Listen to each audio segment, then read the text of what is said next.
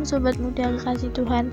Perkenalkan saya Tiara yang kali ini menjadi host di podcast Aku Mau Mengasihi Tuhan. Podcast yang dibuat oleh Wonogiri Student Revival atau WSN ini akan mengajak sobat muda untuk belajar mengasihi Tuhan. Podcast ini akan rilis setiap hari Jumat jam 3 sore. Jadi setialah mengikuti setiap serinya ya jangan sampai ada yang terlewatkan supaya sobat muda bisa belajar dengan lengkap dan bisa mengalaminya dalam hidup sobat muda semua.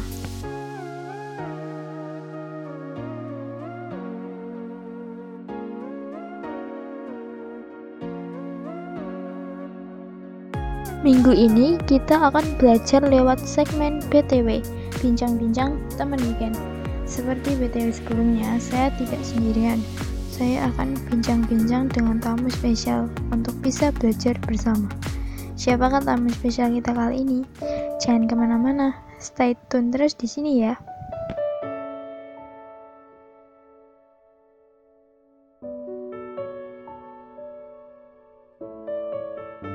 Baik sobat muda, minggu lalu kita sudah mencoba mengenali setiap kecenderungan dan keanehan yang ada di dalam kepribadian kita masing-masing. Episode BTW minggu ini masih membahas mengenai topik pemulihan. Kali ini kita akan belajar dengan tema akibat dari luka masa lalu. Dan sekarang saya sudah bersama dengan tamu spesial kita, yaitu Mbak Stefani. Oke, kita sapa dulu yuk tamu spesial kita. Halo Mbak Stefani, bagaimana kabarnya? Halo Tiara, puji Tuhan, kabar saya baik dan saya juga dalam keadaan sehat. Saya harap Tiara dan sobat muda semua dalam keadaan baik dan sehat juga ya. Bersyukur kabar saya juga baik dan sehat Mbak Stefani. Tema kali ini adalah akibat dari luka masa lalu. Minggu lalu kita belajar bahwa salah satu penyebab keanehan diri kita berasal dari pengalaman masa lalu Berarti pengalaman masa lalu itu sangat berpengaruh bagi kepribadian kita di masa kini dan masa depan ya mbak? Betul sekali Tiara, semua orang termasuk kita pasti mempunyai pengalaman di masa lalu. Ada pengalaman yang menyenangkan, namun ada pula pengalaman yang tidak menyenangkan. Pengalaman yang menyenangkan mungkin tidak menimbulkan persoalan, namun pengalaman yang tidak menyenangkan itu akan menimbulkan luka. Luka yang terjadi pada masa lalu bisa ditanggapi dengan beragam dan menimbulkan persoalan. Hal itu tentu mempengaruhi kepribadian kita pada masa kini dan masa depan. Wah, begitu ya, Mbak. Luka dari pengalaman masa lalu yang tidak menyenangkan itu dapat menimbulkan persoalan. Lalu apa saja, Mbak, persoalan-persoalan itu? Oke, Tiara. Sebenarnya, persoalan yang muncul itu juga merupakan campuran dari luka, temperamen, dan naluri keberdosaan manusia. Beberapa persoalan yang muncul adalah ada perasaan tidak berharga atau rendah diri, di mana seseorang tidak bisa melihat potensi dirinya sebagaimana adanya. Dia menilai dirinya terlalu rendah karena berfokus kepada kekurangan bisa fisik, kemampuan, atau status.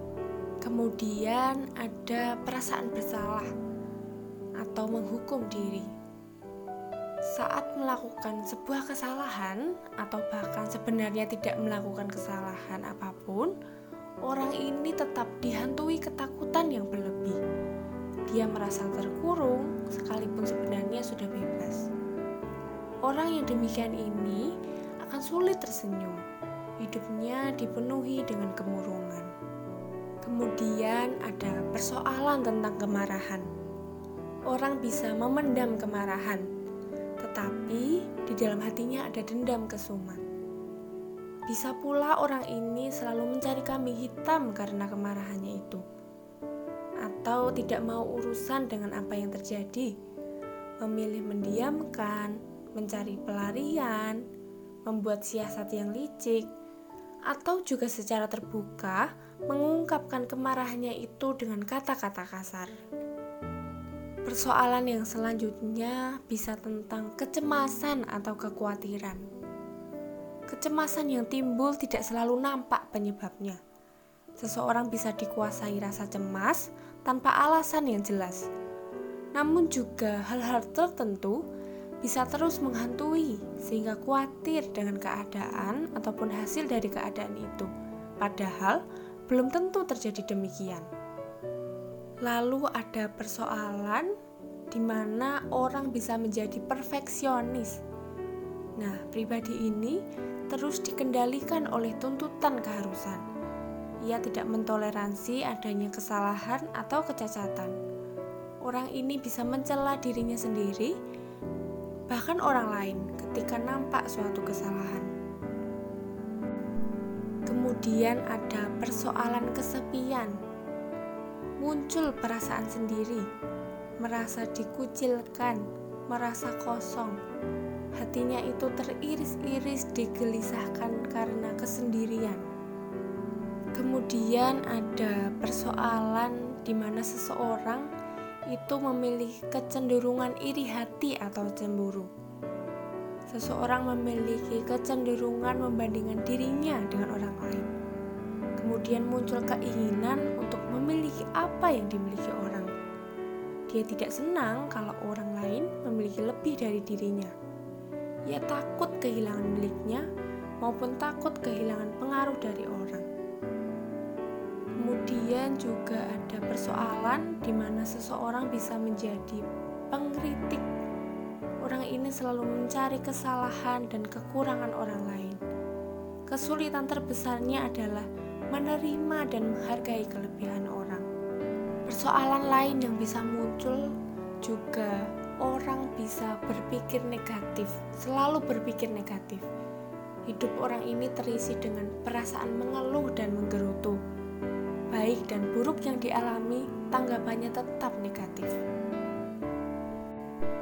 Lalu orang bisa menjadi posesif.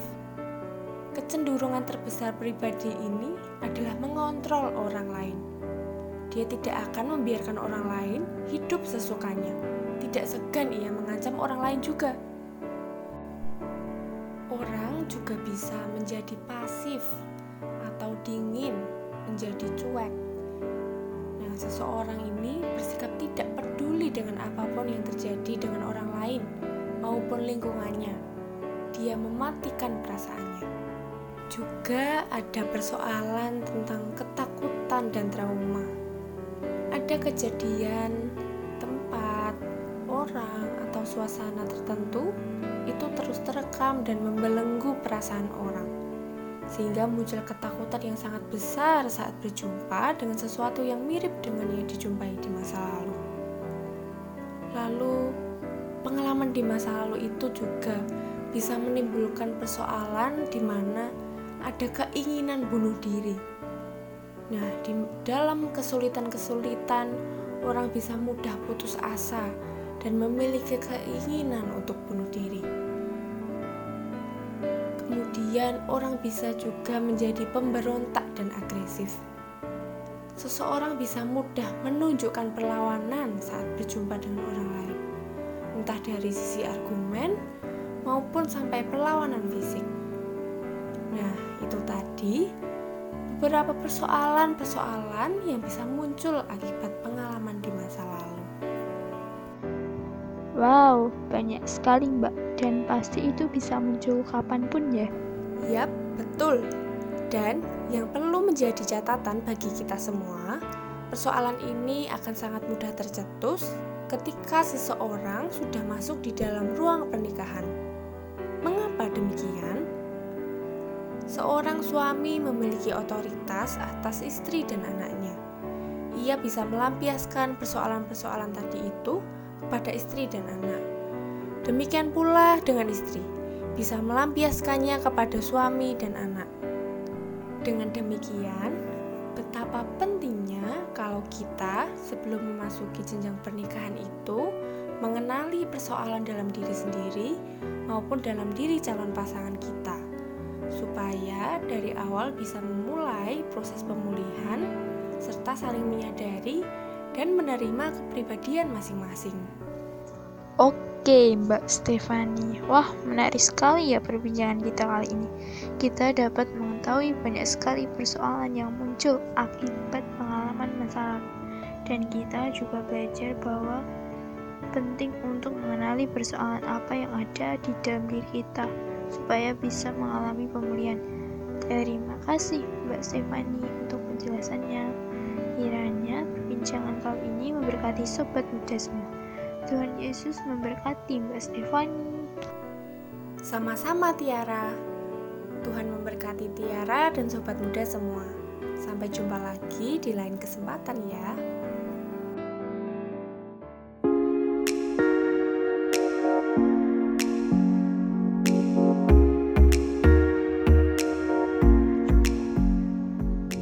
Sobat muda kekasih Tuhan, senang sekali ya hari ini kita bisa belajar bersama lewat bincang-bincang teman weekend. Sobat muda, jangan sampai terlewatkan untuk mendengarkan bincang-bincang teman weekend minggu depan ya. Tentunya bincang-bincang minggu depan tidak kalah seru untuk kita pelajari dan kita alami bersama. Kalau ada sobat muda yang ingin berdiskusi, bertanya, memberi masukan, boleh deh sobat muda sampaikan lewat Instagram WSF di @wstudent Oke, sekian podcast kali ini. Gabung lagi minggu depan ya. God bless you all.